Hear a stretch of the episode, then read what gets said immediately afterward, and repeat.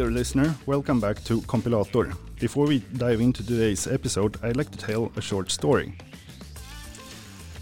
In the summer of 2002, the dot com bubble had just burst and the future looked grim.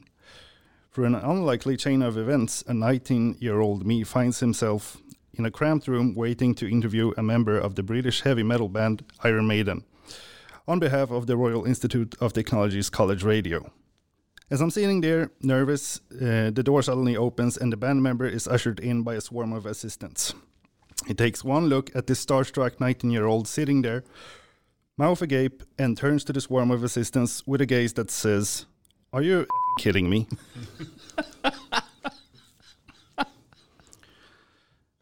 With a sigh, he plops down on a chair in front of me and says, Okay, kid, let's do this.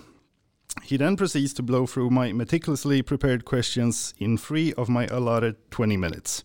As I'm sitting there in the most agonizing, awkward silence I have ever experienced, I vowed to never again interview people I admire, and definitely not in English. Well, it turns out I'm a slow learner because here I am today with Carl Franklin and Richard Campbell of .NET Rocks fame. Welcome, gentlemen. Happy Hi. to be here. That story reminds me of the time I interviewed Alan Cooper. Oh my goodness! I goodness! was just yes, like, blah, yeah. blah, blah, blah, blah, blah. Yeah, the father of Visual Basic. right. We always wondered who was the mother, though. Maybe it was Bill Gates. Yeah, I think it's Windows actually. Windows was Yeah. the mother. Um, it's funny th- that you mention Alan Cooper because um, I was talking to my wife and I, um, I told her I'm a little bit nervous because I'm going to meet some of my idols. And uh, she said, What do you mean? You know, work idols, you don't have those? And she's a chemical engineer. And she's like, I cannot mention one person outside of my job. How come that? Uh, Yeah, I th- wouldn't she like to meet Bosch? You know, the man who basically invented industrial chemistry. Or the penicillin guy, or yeah, well, the thing is Basically, that but, but they're they're like They are lo- dead. They are dead. it's little also details. innovations happen a lot faster in our world than they did in the you know the vast spectrum of chemical engineering history. I think. But uh, uh, I mean, th- there has to be, like, like in development, a pantheon of. That's a ten dollar word. nice one, Um, yeah. A pantheon of of um, uh, exceptional people who who um, both developers, but but uh, also speakers and presenters and and advocates. Um, uh, why, why is it that uh, our field has so many of those? I think it's because they're mature. You know, mature industries change more slowly, and uh, and there's not a, a ton of innovation. Innovation happens really slowly. Right now, in this, where while we're still not the engineering discipline we should be, yeah, there's a bunch of personalities that are shaping the industry, and and so we have this sort of, you know effect. Yeah, and innovation is going to continue to happen quickly, right? I mean, it, it's just the nature of tech. It just builds and builds and builds on it on itself. Yeah, for a while, I think it's going to slow down. Like, I think we're, you know, Moore's law ends this decade, right? Like we, we run out of atoms. They don't, we're not going to get much smaller, and this, we're going to have to innovate in a different way. And it's just sort of the, you know, once we sort of figured concrete out, innovation in, in in certain classes of civil engineering slowed down. So I, I just wonder if we're not maturing finally. Um, it feels like that's been uh, a topic debated since like the 70s when is software development become a real engineering Gonna grow discipline. up. Yeah, Yeah, uh, because we throw everything out like every 10 years and start anew.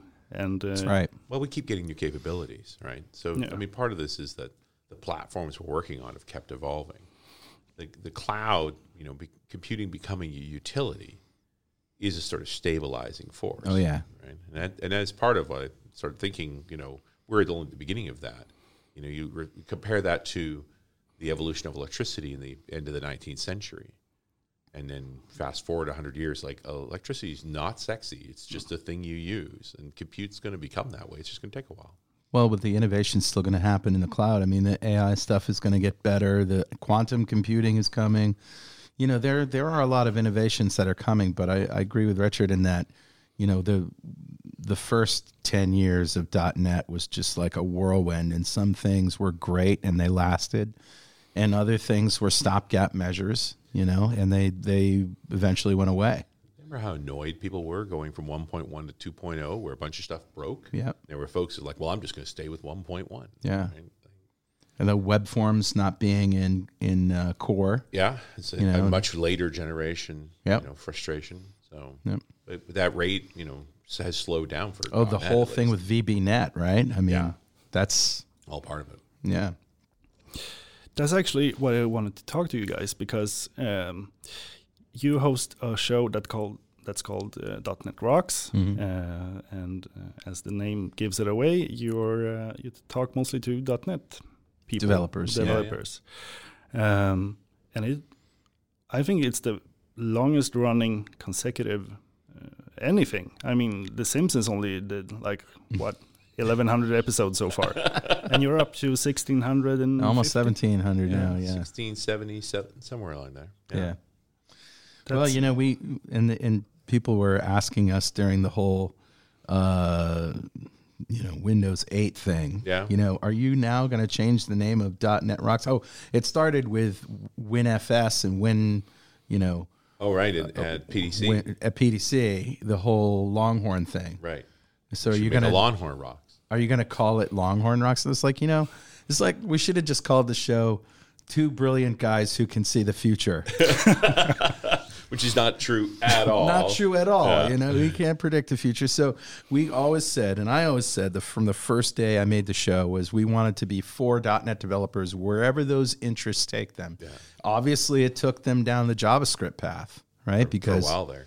But admittedly, and I tell this story now once in a while, uh, we walked out of Build in 2011, yeah, having just been to the new conf- developers conference from Microsoft, Yeah. where they basically didn't talk about .NET. at all. and we're like, and I'm looking at you like, what if .NET doesn't rock anymore? Yeah, right. So we made another show. We made the tablet show. Still kept doing .NET Rocks because Yeah. obviously we have a lot of listeners. Well, and and- and it was you know it's not like .NET evaporates abruptly either. Right. But it would. The also we had this content problem because people there were .NET developers that were trying to figure out how to do iOS and Android development. Yeah. and it was hard to do that inside the .NET context. We weren't sure what that was going to look like yet. So Yeah. just spinning off the other show. Plus, it was a good exercise. it was a good exercise. Light up the new site, Yeah. new infrastructure, new promotion. Could we get people to sign up to the show? You know, one of the one of the downsides to be, I would, I argue, this is my, my statement. Carl's never said this. I think he has the fir, the third RSS two feed in the world, right? That because you implemented the day Winer dropped that spec. You Yeah. called me and Yep. said. Dave Winer's got this thing, and I think it's brilliant. It's going to be huge. I'm writing it right now. I basically wrote a you know feed.aspx. Yeah. you know, From the very, very beginning. in VB.NET, and I'm even- still using it. Do you remember when we were in Manchester and we found that somebody had built a test app for testing RSS and it had been pinging the site every day, Yeah. just constantly. And it, were like, look at all those downloads. and then we get started digging into it. It's like this is all the same IP address, Yeah. and he's literally walking the whole RSS feed. Like I think it's literally a piece of software someone wrote as a test a decade earlier, Yeah. and it just been running every day. And we had to block the IP. Yeah. like it was just it was defective. And but then it's our- a side our- effect of being first. Our listenership dramatically went down that day. But uh, you know, the, we went from five to four. the tablet show was us starting from scratch, trying to see if we could build another show. But by 2014, it became. Then I had the opposite problem, where I used to not know where to put iOS and Android, so that's why I didn't went into the tablet show. Yeah. And it's like, how do I know to not just put this in .NET Rocks because dot you know .NET and iOS and Android all work together. So we just rolled it back in. Yeah. So it was a good We have- experiment. we still have those shows out there, and if people are interested in the history, it's a great way to go through it. yeah, it's 140 episodes. Yeah. We'll uh, link to them from the show notes, For sure. so people can take a look. But um, um, on the topic of, of maturing, um, I'd say that um, with .NET Core five that's coming out, um, Or .NET 5, they call it. Yeah, We're Yeah. going to drop the core. they dropped the core. Okay, They will drop the core. Okay. There's soon there will be a .NET. Yeah. um, Just one. I'm looking forward to to the stability because the last ten years have been it's been a roller coaster. Uh, Would Yeah, not it there. Uh, and, and not only with .NET, but in development in, in general. Like first it was .NET, then then Node was the whole hot thing, then JavaScript in general, and and now .NET has made an amazing comeback, um, both technically but as well as marketing wise. Yeah. Yeah, I also think you saw the transformation of Microsoft there, right? They stopped Oh, yeah. being the Windows centric company, started being the cloud centric company. the changes in the market certainly affected us. I mean, our um, we for the longest time enjoyed really good advertising revenue from from advertisers that were selling high price ticket items. Right, then they could afford the advertising they wanted to get in there and be in a forum like .NET Rocks where people were paying attention. And turns out podcasts are great for advertising because people actually listen. You know, they're, they're, it's not just a, a graphic on a website that you can completely ignore. But um, you know, when everything went web and and most of the tools that the programmers who were listening to .NET Rocks were using, and probably because we wanted to stay on the on the cutting edge with topics, so we did a lot of JavaScript and Ruby and Node and all that stuff. Those tools are mostly open source and free. And so these companies had a harder time justifying, you know, with the, the limited sales that they had, the the expense of advertising on a podcast like this. So so yeah, it affected us financially quite a bit. And we had to scale back and scale down. And um, you know, it remains to be seen what happens with Blazor because there's a new uh, you know, this new component model that has opened up this third party um, market again but uh, but there's still going to be open source tools out there for Blazor. It's not like it, it- it's not like it takes a very uh, specialized .NET developer to make a, a set of components for Blazor. It just takes time and effort, right? Whereas before the Windows Forms controls, you know, the WPF controls, well, there was only like a handful of people I knew in in the community that could even attempt to do that right? Because of all the ceremony and it's all C and everything else. So it remains to be seen what happens. But uh, yeah, it certainly did affect us. I, speaking of Blazor, I, um, tomorrow I'm having a show dropping with uh, Jimmy Engström about Blazor. Yeah. Um, and I went into that episode very skeptical. I was thinking that this is either going to be Silverlight or, uh, in the best case, it's going to be like web forms with r- real-time view state. Well, if you think about why Silverlight became the laughing stock of development, um, it wasn't because it wasn't a good technology. Oh no, I, I'm I'm just I'm just afraid of getting burned. Of Well, getting of things. course. But just because the technology output does something similar to Silverlight doesn't mean it has nothing to do with the reasons why Silverlight, you know, why you got burned, quote unquote. The reason that Silverlight doesn't really exist and isn't really usable now is because plugins are verboten in browsers.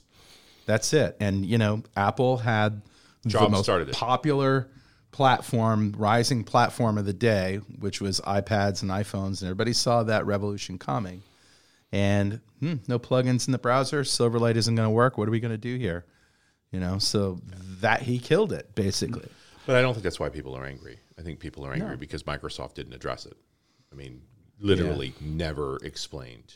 They Yeah. knew internally, and Right. this is all part of the book, right? That that Silverlight had a huge problem once iOS Right. wasn't going to run it. Uh, they just didn't actually, you know, in, in April of 2010, they had that's when they shipped Studio 2010, and they promoted Silverlight 4 heavily, Right. and it was the enterprise platform. By November of 2010, that's the you know pa, the famous interview with Mary Jo Foley and Bob Muglia, Muglia, yeah. where he says our strategy is shifted, Right.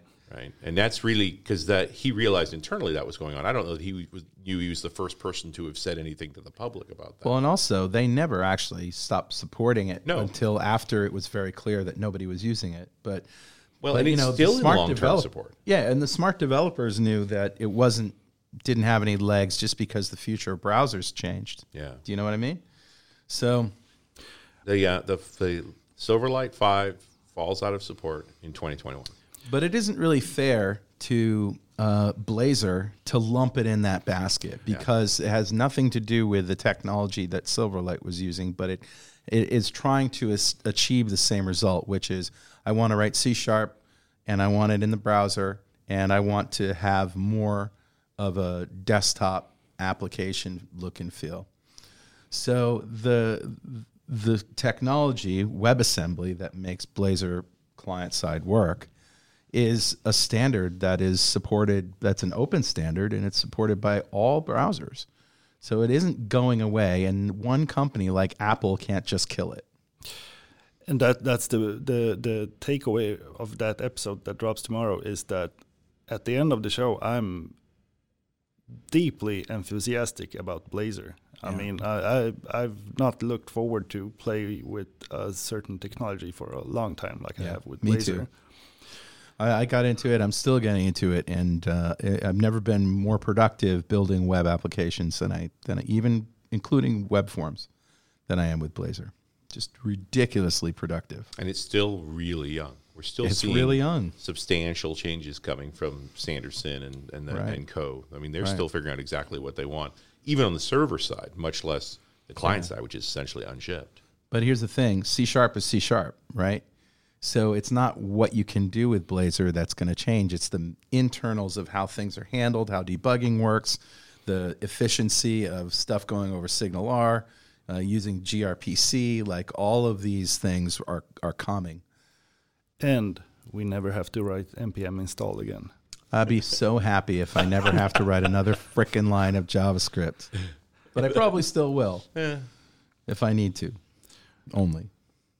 I, I actually went really deep into into JavaScript, and I, I, I really liked it for a while uh, until I had to come come back to a project that I left a year and a half Mm. And I had to rewrite it because you're looking at it, it's like what idiot wrote Aside from that, uh, no packages were working anymore. Oh, basically, right. All the libraries you depended on only 18 months ago oh, yeah. man. were now basically out of maintenance yeah. or had been changed enough that you had to and I, I can, cannot for the life of me understand why there's such a difference between npm and, and NuGet because they're both package handlers but um, package, pack, package management handlers but mm-hmm. but I don't know. There's something about the psychology of I don't know .NET and JavaScript, or where where that discrepancy in stability comes from. Sure.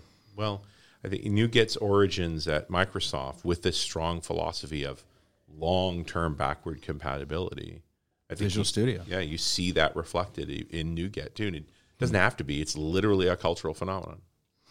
So I remember this. Do you remember the panel that we did in Nashville? Is software it, development too complex? Is software development too complex? Yeah, it's and like in the 400s. So this is the time, about the time when Silverlight was, you know, in Sh- shipping two, out of band. It was like two or yeah. three, and out of band is the key. In order to get the latest bits, you had to go read Scott Guthrie's blog, where he would announce the next version right. and stuff. But now, if you're searching the blog sphere for these things, the problem is unless these blog posts were dated and you know deprecated, right? You you may end up going down a rabbit hole Absolutely, of some yeah. old technology that doesn't even exist anymore. So it was really ridiculously frustrating. And I remember um, saying at that time in that show, what I really want is like an RSS feed that has the latest builds of these out of band things and the latest packages and all that stuff. And I didn't know, but I was describing what would become NuGet. Mm-hmm. That's what I wanted. I wanted a feed. I didn't want to have to go hunt for something on the web and use Google. They were already building it. That was, you know, what was really cool about that panel, and I talk about this occasionally with folks. It's like there's panels and there's panels, right? Yeah. And I we work pretty hard on. I need three or four people who are familiar with a given subject material mm. and also disagree, like have yeah. different positions on it but then also have similar temperaments. Like you don't need a really bombastic uh, person. I know where you're going. Some quieter people. We you can go poke through the panel stack of panels we've done over the years. Yeah, yeah. But what was cool about the Nashville show was we lost control of it. Yeah. Like about half. Hey, we had some pretty. Billy Hollis was on that panel, right? Oh, like yeah. there were some pretty sturdy personalities on the panel.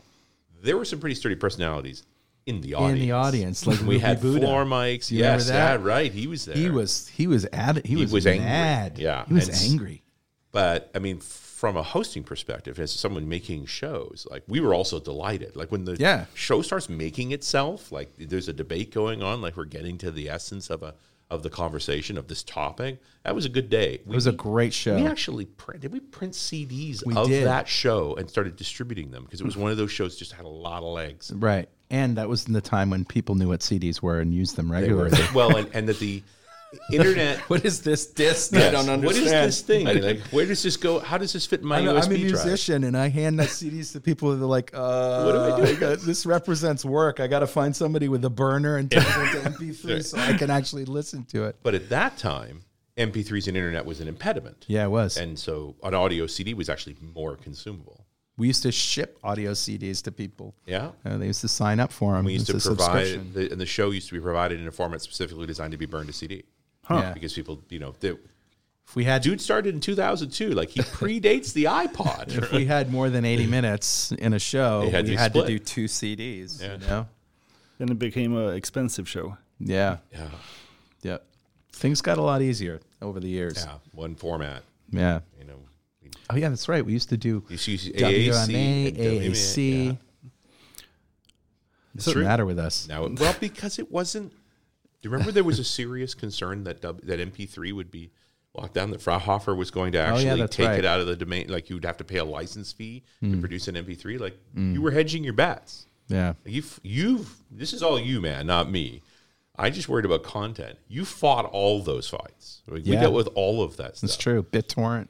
Well, and yeah, BitTorrent, and also remember the big showdown over over podcast. And there was going to be. We actually met Marc Maron Yeah. in Vancouver and had a conversation about it when there was going to be a lawsuit about you know whether or not uh, Taxes or something, Yeah, or- podcasting as a whole was going to have a was going to have a licensing model. Right. Right. And here we were, one of the oldest podcasts on the planet. So, Yeah. you know, if they were going to go after anybody, Yep. we were vulnerable. And I remember having a few conversations with Mark about that. Yeah. And he was he was really concerned. Well, sure, the guy made it made his career off the back of that, and and you Still know, going strong too. still going strong. So, WTF. all of that went away. Here we Yeah. are, still doing the thing. Here we are. So you started the podcast before the iPod existed. Well, before the September, no, August, August 2002. 2002.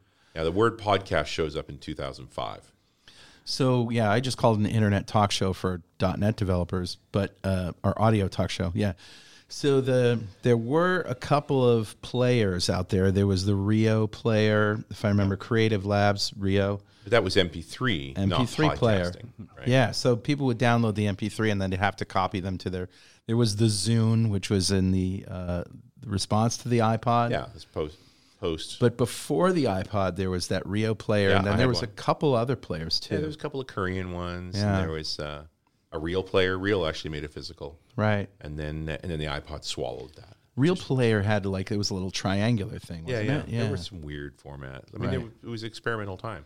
I bought the Diamond Rio the day the, sup- the the Supreme Court said you were allowed to. The RIAA didn't want MP3 out there. They wanted again licensing fees and so forth. And so oh, little did they know. yeah. So when the, when the Diamond, he's like the funny part is you think back and go, they weren't wrong, No, they weren't. right? but they weren't going to contain it either. Yeah. And so, but the day that the it came down that the Rio was allowed to be sold, I immediately ordered one. Yeah. And it hold it held a whole 16 megs of Woo. of recording. Like dun dun dun. but So you know that to- thing got me into more airport airplane cockpits. Like pilots love gadgets. Yeah. Back before 9/11, if you had a cool gadget, like the pilot wanted to see it. So it Mm. Right. became. I was getting. I, I was. I had a mission to get jump seat landings, right? To be able to sit in the jump seat when Wow. the planes landed, and so that was a gadget the pilot liked enough. And then if you're not an idiot and you're reasonably, you know, pleasant to be around, like it's a boring Did job. Did you actually get to sit in a Oh, jump I've seat? done, a bunch of jump seat landings. Really? Yeah, yeah. But then, of course, 9/11 ended all of that. But Yeah, in those, that's right. You know, in the 90s during the dot com boom, when I was zipping around fixing people's websites, I was, uh, you know, That's pretty cool. lever the, leverage the, those technical gizmos. I never heard that story, but I did hear the story about how you aced the uh, air traffic controller exam and then said, "Yeah, I don't want to be a civil servant." Yeah. Turns out I'm- does that? Yeah, no, no. First I'm, of all. I'm pretty good at 3D math. That's what I know. Wow. oh man. Weird stories. Anyway, what were we talking about? Podcasting 2002. Downloading. Yeah, I, I just started this thing because I loved NPR, um, National Public Radio in the United States. And on Saturdays, they would have these edutainment programs that would be like uh, car talk or, you know, quiz shows or stuff like this. and they were fun to listen to, but they were also very informative, and that's the kind of format that I wanted. Although we we experimented a little too much with the fun stuff side of it, and uh, Back in the day, we had to split off the fun into another. I another. remember having that conversation with you, right? Yeah. It was I. So we met in 2004. Yeah. And I was a guest uh, during the reign of the second co-host. So Rory was the co-host then. Mm-hmm. Yeah.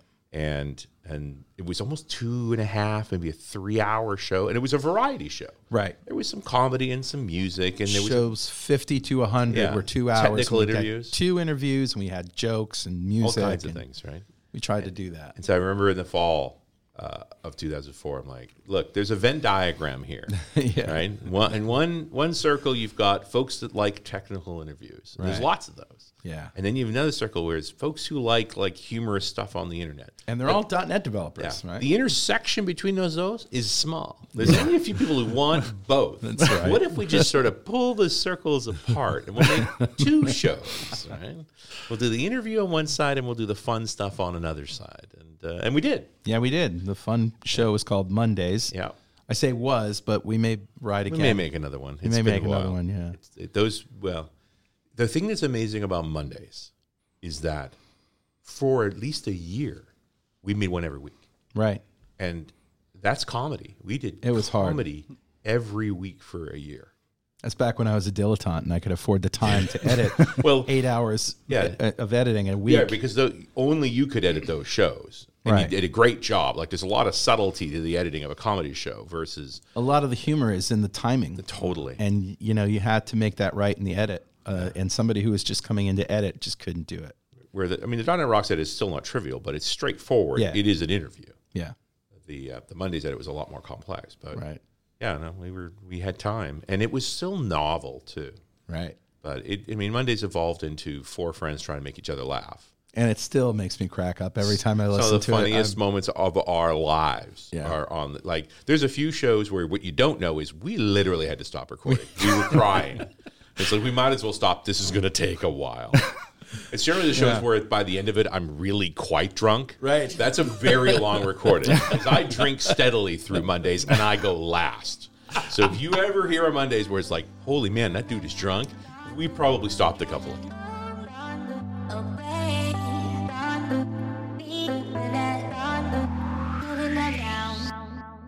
so every every christmas when we did mondays richard it, his bit at the end is called richard the toy boy where he finds the weird the wild the wonderful weirdy crazy things people are selling on the internet.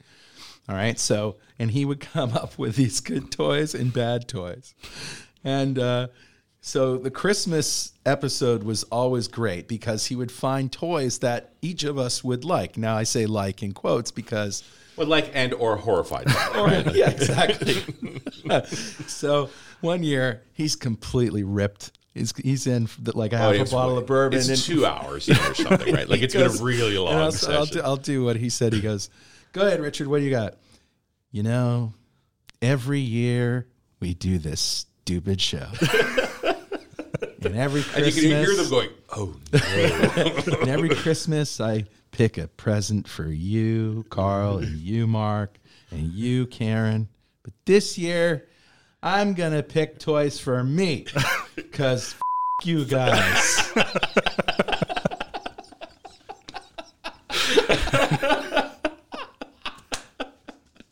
Uh, just destroyed us.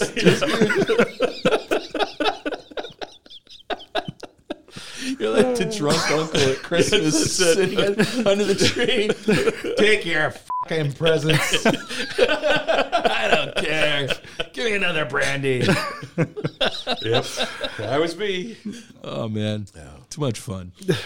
Uh, they, you know, at least the the the serious show, so Yeah. to speak. Not that we're all that serious. I think one of the claims to fame for us, we've always been very lighthearted about what we do. For a Yes, living. we don't take And ourselves how- too seriously. and how much fun being in technology actually is. Yeah. Right? like it's really a delight. And so that I hope that that comes across in the show. It's like, come on, you're gonna love this. It's amazing. like, like, come with us. We're gonna have some fun. Right. uh, that's one of the things that I really liked about the show because it's been following me basically as long as I've been getting paid to write code. Um, it's uh, well the, the the diversity of of the people that you have on. It's not like just hardcore .NET developers. Right. You No. have all sorts of people. Yeah. Um, um, It reflects the industry too, and it's changing as well.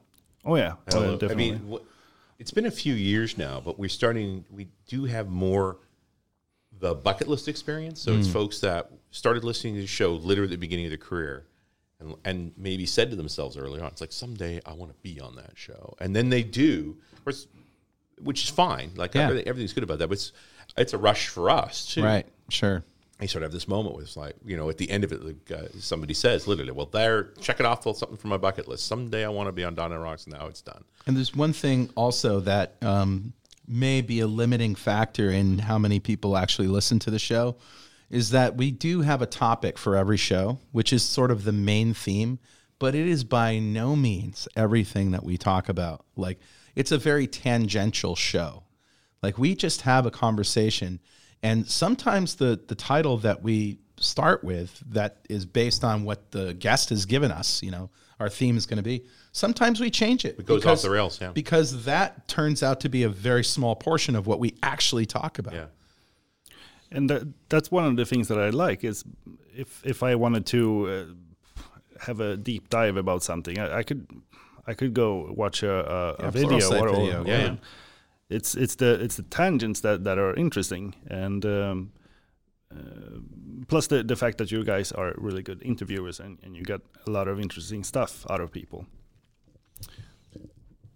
Right. We've, never, we've never held back on the opportunity for people to destroy their careers on the show. That's true. You know, uh, mostly with Microsoft people. It's like, you Yeah. know, if you want to go off the rails, we're willing to let you go. It's fine. Here's some rope. yeah. Go ahead. It's just keep going. That's good. Good for ratings. um, but also we're very trusted too. Yeah. I mean, the product teams have uh, on a routine basis, almost every year, some team comes and does an interview with us about a product that isn't released yet, because they know they're only going to get you know five minutes worth of demo at a build keynote, and that they can have an hour with us. And on many occasions, we have literally sat there, like hand over the button, the moment the the, the build announces they right. publish. So, and it, I mean, I would argue one of the most famous examples of that. Well, the announcement of Silverlight's a good Yeah, one. yeah, yeah. Um, but also the acquisition of Xamarin. Yep. Acquisition of Xamarin. We were actually in the audience, and I had my finger on the publish button. Publish. But we had we were allowed to interview Miguel and Nat Yeah. two weeks ahead of that, and that's actually SEC stuff. Like that's a big deal, Right. To leak anything about an acquisition in advance, and so we we had that interview in the can with permission from Yep. from the senior folks at Microsoft. And we've done it with Guthrie and Yeah. and uh, Hunter and we were many allowed, times. Yeah, product product announcements one thing, the acquisition was kind of another, but Yeah, big one. We could not do anything until it was officially announced on the on the stage, and then we released the show. We've also had with product announcements. We've had them call us and go, "Hey, we're not going to announce that. you get a hold. Can you not publish that?" And they're like, "Okay, yeah, we have a backup show. That's no problem." It's like it's going to be announced later. You can release that show later on. But that that's Yeah. the price of playing that game. Is sometimes the product doesn't always come out. Right. So so you have a vault of interviews that you've done that you cannot use. Um, there's a few. If I, you know, the one that I'm thinking of was um, remember that when we did the the weekend of .NET where we Oh, recorded yeah. like 12 hours a day, three days in a row. yeah. It turns out some of those weren't so good. Well, especially the end, you kind of could tell when it got towards the end of the day on on you know 10, 11 hours, and, and people are punchy. calling in like, "Hey, how's it going?" like this is supposed to be a show, right? Yeah, but the, the specific show I'm thinking of is Chris Sells Yeah. about right. Oslo, and uh, and I went off on him. If you First recall. of all, Oslo. Not a lot the of city. people may not, Not even know might it not know what this was, but it was like a DSL for data. Mm. yeah, it had a lot of interesting ideas in it. And Don Box and Chris Sells were both working on. it. Yep, at the time. So they came on the show. They had come on the show like a year before, Well, right? they'd come out several times, right? And that was the whole thing. I went after Chris on at that. At that, you know, it was, again, it was late enough in the day. We're a little snarky, and I'm like, listen, man, you've been talking to us about you know how great Oslo is going to be for like three years. Like, where is, it? yeah. What the hell's going on over there? You know, the reality is when you're building a new technology, like at, if it ships in the, it's, it's most if it's going to ship, it'll ship the first two years. You know, every month after the second year, probability of shipping is going down, and we're well into the third year. Like, what's going on? But it turned out the only people that really cared about it were Chris and Don. Yeah. Well, I, we were we were intense enough on Chris that at the end of the show, and he's a friend, like make no bones, like Yeah. there's there's guests we've had on the show Oh, yeah. that people we know. So They're both Chris good Sells friends. is genuinely a friend. Yeah. been he's been to my house, I've been to his house, like that. And he said, "You better let me know when you're going to publish that because I'm going to have to tell PR."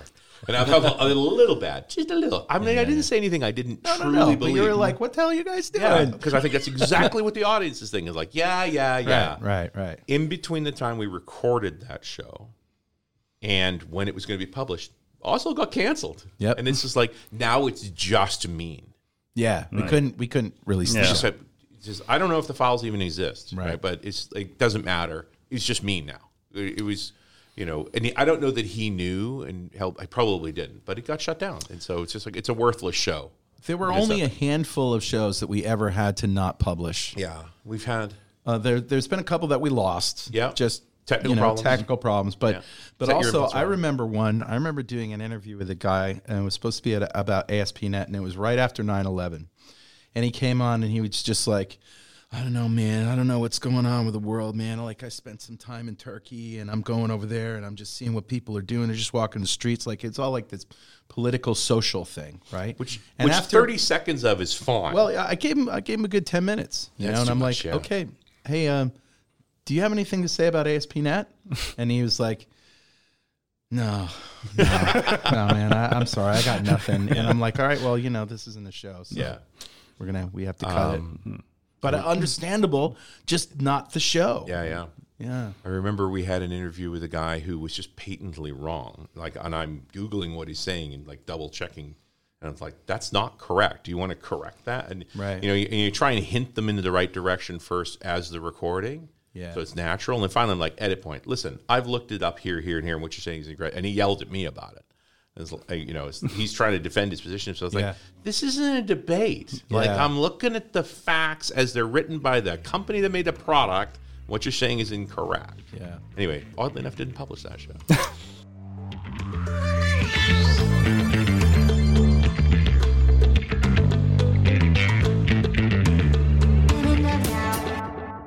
Richard, you, you're writing a book I am. about the history of .NET. yes.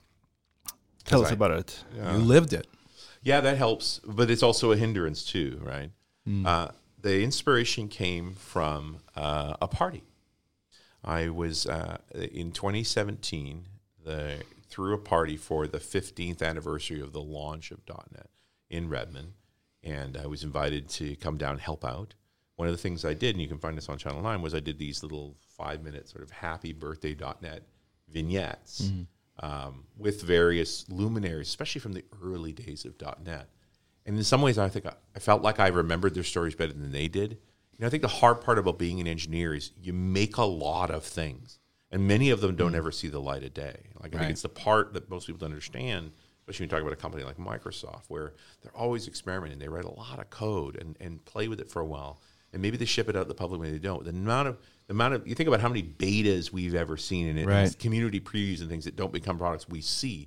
There's at least that much again that never makes it out of the office. So it's kind of a filter of what's historically significant and what isn't. They don't always have those at the Well, they have no way of knowing that, Yeah. right? Like, and, and in some ways, you know, you, you talk to a guy like a um, like a Patrick Dussud, like one of the guys who worked on the early CLR, and the product quickly moved away from him too. Like he built some foundational stuff. He was part of the battle that decided between garbage collection and reference counting. Mm. But he didn't. He he you know pieces of that code then went to other teams, so he, he almost doesn't know what happened to it right? Most of the fo- most of the engineers are focused on their particular piece. They're one of hundreds, maybe even thousands of developers, and they rarely get to see the interplay between them all. Mm. And so I came out of that experience thinking, you know, hey, everybody's getting a little older, and this is a long time ago now. And if we don't write it down soon, like we're just not going to know. yeah. Um, but I get weird ideas all the time. Like that's not that unusual. and I, I'm, the good news is I tend to write them down, and then I I decided to test it. So I I, I you know a, a month or two later. I just sat down and wrote out everything I thought I knew, pulled up easy research sources, and said, "Could you make a talk?" Hmm. I started with like a one-hour history of .NET. What do you think? And tested it some local user groups, and got really interesting reactions. Hmm. And that sort of got me thinking, you know, just trying to figure out like, is there a thing here? Like, what does this thing really look like? Hmm. And then finally, when I got, I, I, I was convinced, okay, there's an, there's enough folks that are interested. It's not just like the old .NET people, but other folks are want to know more about what's going on. Uh, I decided, well, okay, you know, I'm doing the engineers thing. Find me a reason not to do this. Right. And the next step for me was, who do you have to have in the book? Uh, and if you don't have them, it's not credible. And so it was uh, Anders Hejlsberg. Yeah. You kind of have to have Anders. Sure. Uh, Scott Guthrie, Yep. um, Brian Harry, Yeah. and he immediately looped in Jason Zander because I would. now this is where the whole .NET Rocks thing comes in huge because I've got those email addresses. I've had Right. those people on the show, and they will take my call. Yep. And so I wrote emails to all of them and said, "I'm thinking about doing a book, and here's you know sort of the idea I have. You know, would you participate?"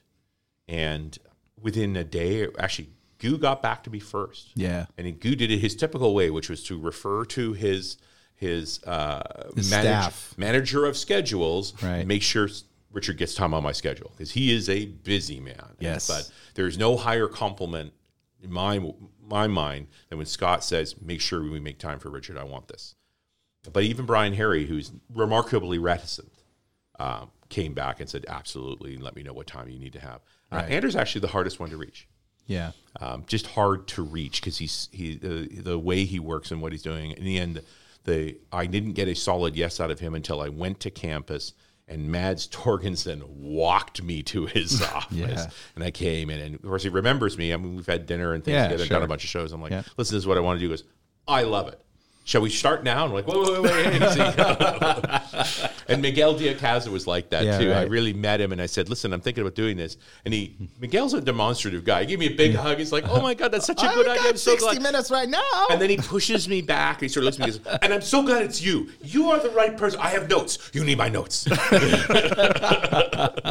I went to Boston with him. Yeah, And uh, uh, to see him. And Joseph, who's the, who's worked with him for forever and is generally his adult supervision, Yeah. Kind of came to me and says, You're going to let me see what you're talking about. I'm like, No, Joe, I'm not. So I'm gonna- you've now collected all these interviews and you started writing it, but uh, are there going to be bombshells? There's, yeah. Uh, and there are things I know that I'm still trying to figure out how to write about. Well, do you have permission to write about? Well, that's an interesting point. Everybody knows they're on the record, Mm-hmm. everything is actually recorded, but also at a very high level of trust. The number of times my friends have said, Yeah. think carefully about how you're going to talk about this, but I want you to know this. right, right. And so part of this is also recognizing that I'm asking people to remember things that happened a decade or two Right, ago. yeah. And so I've been getting multiple versions of the same meeting, all different. And so I'm not going to tell any one person's version. I have to build composites. And in that point of view, the blame it's my fault. Right? I'm trying to construct a version of the truth about things that happened quite a while ago and under various, you know, levels of contention. And you can also come to conclusions on your own from these various things that, but individually they Sure. may not have together. you know, Mads Torgersen wasn't aware of what the CLR team did between 1.1 and 2.0 that made the CLR dramatically better because it wasn't his job, Yeah. right? And so there's Right. those kinds of things where he's like, you, That's where they put it in SQL Server, right? put it- and, yeah, and running- the SQL team really made it Well, SQL rigorous tests. they build enterprise class software that is Yeah. heavily tested and they had really great test harnesses. When, and part of the motivation of the CLR team to build SQL CLR, which is a questionable idea, right? Running Yeah. .NET inside a SQL We server. were, like, we were concerned at the time. It's like, Yes, why would I do that? Well, And- and, and it's off by default. Take the hint. Yeah. Right. To this day, it's off by default. Although they now. But the answer is, you know, if there are things that you want to do in a stored procedure that you can only do with code, you do them there's as an the extended stored procedure. yeah, it's it's a super extended stored procedure. But most Yeah. most of the cases that they had in 2005 when they were doing this are better solved by reactive extensions, Mm. right? But that stuff didn't exist back then. This was an earlier solution to that space. But it's that composing of all these different pushes. The number of different people I've spoken to now who were pro open source when it was not appropriate at Microsoft Yeah. in the in the early aughts, and so they feel like they were sort of original champions. The Phil. Haack, Scott Hanselman, Rob Conery. Although those all fall into Guthrie's push of that, but Right. there were other teams, right? There were other spots where where open source became apparently important. yeah. And so part of my challenge in telling the story as a whole is sort of to give respect to the fact that there was a gestalt, there was a, a, a an a asymmetrical rebellion going on inside of Mm. Microsoft to bring to make open source part of the equation. But they weren't organized as such. They were not there, wa- and there wasn't a plan. It was an emergence in that Yeah. sense. The same way the .NET was not a plan. Like .NET is a found product. They were folks dealing with runtime problems. There was we weren't allowed to work in Java anymore. How much time have we got? Because I want to go get a bottle of wine. just, just saying, like this is usually when we pop the scotch. And, and, uh, but you, you get the idea that it's like it is this composite view.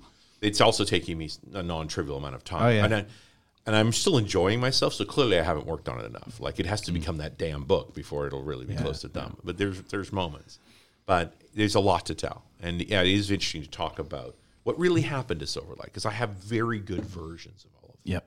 and what really happened during Windows 8 and uh, and what happened to Azure and how it became the thing and what actually turned the switch to become that, that open source started to play a major role inside of Microsoft. Yeah. Like there's so many stories. Did you get to talk to Uncle Satya? I have not talked to Uncle Satch. Are you going to? I, I would like to. I um, Soma Sagar, who ran DevDiv Yeah. In in the aughts and uh, in the late aughts, early teens, uh, has told me I really need to talk to Bill, and he's been advocating to Bill's people that to make time for me, which hasn't happened yet. Yeah. Uh, I have a good list of questions. Like there's certain particular He things doesn't ever really talk about Never. developer stuff. anymore, not at all. Yeah. And uh, um, yeah, and yet still he's like at at twenty percent time at Microsoft. Right. It was part of the conditions of Satya becoming CEO is that Bill would come back, Hmm. but not as the face of it, but rather as somebody who reviews the product teams Right. and puts pressure on them to be as good as they can be and to Yeah. sort of sort certain key senior technical problems. Yeah. Right. When you've got teams that are competing, you know, the biggest thing I see Gates do today that I hear over and over again in my interactions with the team is that he deconflicts products. So hmm. if three if, three different teams are actually building the same thing, it's Bill that says you're all building the same thing. You should all contribute members to a sub team, and then each of you consume it that thing, whatever that may be. Hmm. You know, I, I think of, we think about Project Rome. You remember Project Rome? It showed up in like Build in 2016 or so. And that was one of those things where there was a bunch of different teams working on identity problems. And Bill sort of said, make a separate project. Everybody contribute to it. Everybody consume it. Don't repeat yourself, kind of thing. And I think that's his superpower. Is a he can sort all that stuff out. He can look at a couple of hundred products and see the similarities where they exist, and, he- then has the gravity to say, "Thou shalt do it this way," and they do it. Any interest in um, in talking to Steve, developers, developers, developers, developers, Ballmer? I would love to. Um, Do you think he would have anything to contribute? I don't know. That's. I mean, he was there. He was there. Yeah, he he was actually the CEO through. You know, he took over 2000 when .NET's just emerging. So Right. Um, he must have had directives and yeah, I, I, I'd be interesting to sort of press on that. Hmm. Uh, the other guy, person I did reach out to, is Steven Sinofsky, oh yeah, politely declined. yeah. But um, he had. He's got a bad taste in his mouth. well, I think you're not wrong. Uh, I also think that he, uh, and this is, he was pretty point blank, but it's like, no, I didn't really work with .NET. No, he was a Windows guy. Yeah, and that's that's the truth. And so Yep. uh, I respect for that. and you know it was respectful to to make that last push effort to get people to buy more windows and that's what that was all about Well, and also to bet on JavaScript, especially when you think in the context of 2010, 2011, uh, where JavaScript was absolutely ascendant and still is. Like if you were really here, we are, you know, .NET Yeah. developer podcasters, but if you're truly starting greenfield, you're going to train it, train a new team on a new project. How do you not choose JavaScript? no it's true I mean, for all of its options available to you, and whether you want to go to mobile and whether you want to be in the cloud, like it's a pretty versatile language. Now you need, uh, you know, appropriate harnesses around it. How are you going to test it? How are you going to maintain it? How are you going to make sustainable software around it? All of which is challenging for JavaScript. Uh, it's got to be in consideration. yeah well Sinofsky did wonderful things in Windows 7 and uh, Windows 10 contains a lot of that same code base Yeah, but uh, you know that that build man we were scared it was a tough day. Uh, what did Stephen Forte call it Sinofsky con Yeah. yeah, it was well, and there were people being fired for speaking out of turn. Like it was, Yeah. it was a, at a time. Microsoft had spent several years being very open Right. right? Which will also be that's part of what went wrong with Vista was they were almost too open. They were showing stuff that wasn't ready. Yeah. And here was a guy who wanted to work completely a different way. There's a case to be made. I'm not saying he was right. I mean, I'm actually pretty sure he was wrong. He wanted to be more Apple like. He wanted to wait until hmm. it's all you can't see it till it's finished. right. You but that's not how unveil. developers work. That's not how Right. large corporations work with new technologies. Right. And it's not, you know, Apple made a half a dozen products and Yeah, yeah, Microsoft makes 300. Like it- the model doesn't work. It doesn't make sense. Yeah. So Richard, I'm dying to read the book. Yeah, me too. I uh, I hope it comes out soon. I hope so too. We're slowly running out of time, um, and I would like to tie into to a thing that you said. Why would you choose anything except JavaScript for a greenfield? And I would want to know from both of you, um, with all of this history that you have, where do you see .NET going? Is it going to be the new Java, which is the new COBOL, or uh, Nice. is it? You want to what's to put it in a box? Yeah. Yeah, the only thing wrong with Java is that Oracle owns it, and so it hasn't been innovated on. Yeah. They're not giving it the resources it deserves to continue to evolve. And I mean, Java also has some fundamental problems that that, that .NET doesn't have, Right. Because .NET got to look at what was going wrong with Java in 2000 and 2001 and not make the same mistake. And they also kept innovating, you know. Yeah. And so Java didn't. and it's kind of stuck. Uh, and I, you know, and I'm saying like you can't not consider JavaScript, but there's plenty of reasons not to choose JavaScript too.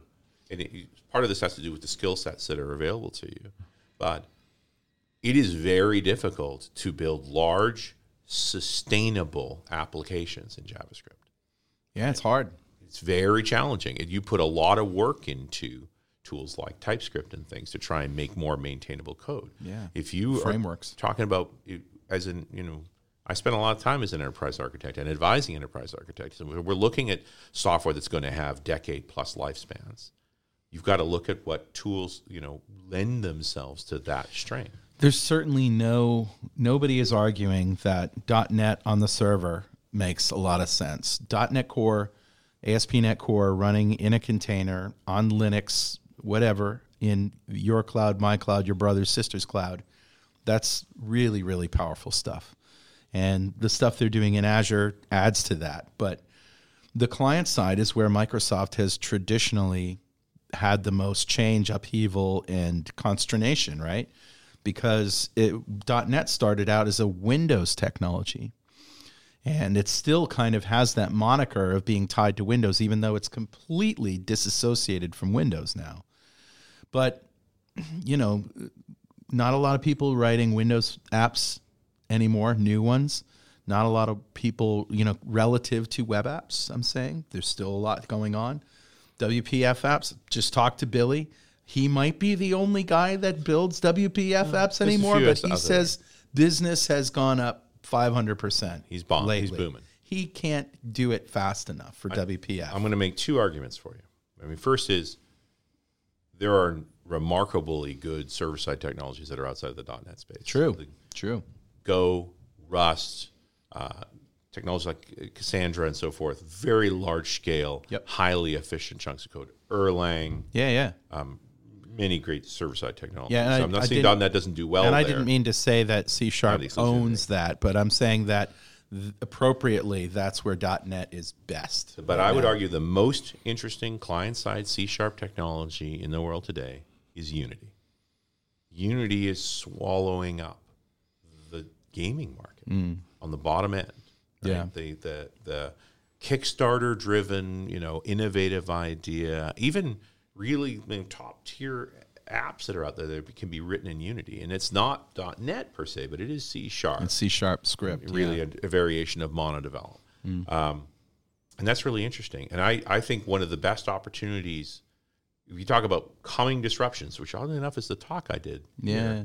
the coming disruption that's going to have the biggest impact on developers is whatever replaces the smartphone. I presume it will be some kind of augmented reality device mm-hmm. that finally will have a pair of glasses or a pair of goggles compelling enough that it doesn't matter how stupid you look, you want to wear them. Yeah. And that's going to be a huge UX problem, massive. Right. And it's a lot of it is three dimensional. A lot, you know, understanding 3D camera data, and there's only so many programming languages that lend themselves to that kind of new complexity, new mm. sophisticated libraries.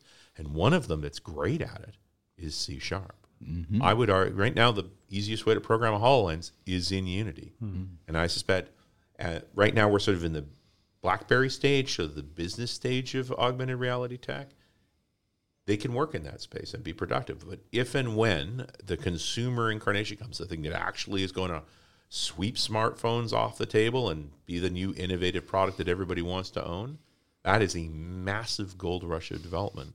And the way that Microsoft has positioned .NET with a cross-platform running on any, any environment, isolated from hardware at the bottom end via the CLR, Yeah. largely abstracted from the from the UX variations with technologies like XAML and other libraries, they're very well placed to be the driving tool for augmented reality. I don't think the smartphone's going away anytime soon, but maybe within our lifetime we will see it displaced, but I'm, I'm not so sure. I think that other devices will come and be more effective and be more compelling at certain things, but certainly something you can hold in your hand, glance down, and get information and interact with. It may not be touch screen, but um, I, I kind of think handheld devices are here for a long time. But that you know that that doesn't really matter. I think, but I was getting at the the client side thing and and you know blazor is this sort of peek into the future of what web development could be like in non javascript languages. Doesn't mean javascript is certainly doesn't mean it's going away. I, there's no way javascript would ever go away. It's so much the lingua franca of the web. Um, but now we have an opportunity to develop web applications in other languages and i think that that is you know a, a great place for c sharp to live For sure. Gentlemen, thank you so much for talking to me. It was uh, it was a thrill listening to you, and um, thank you. well thank you Good fun. Thanks. Thanks. Du har lyssnat på ett avsnitt av Kompilator, podcasten för dig som jobbar med utveckling. Du kan hitta tidigare sända avsnitt på kompilator.se eller genom att söka på kompilator där du hittar dina podcasts. Kompilator produceras av Bartek Tatkowski och BRTK Digital AB. Läs mer om oss på brtk.se.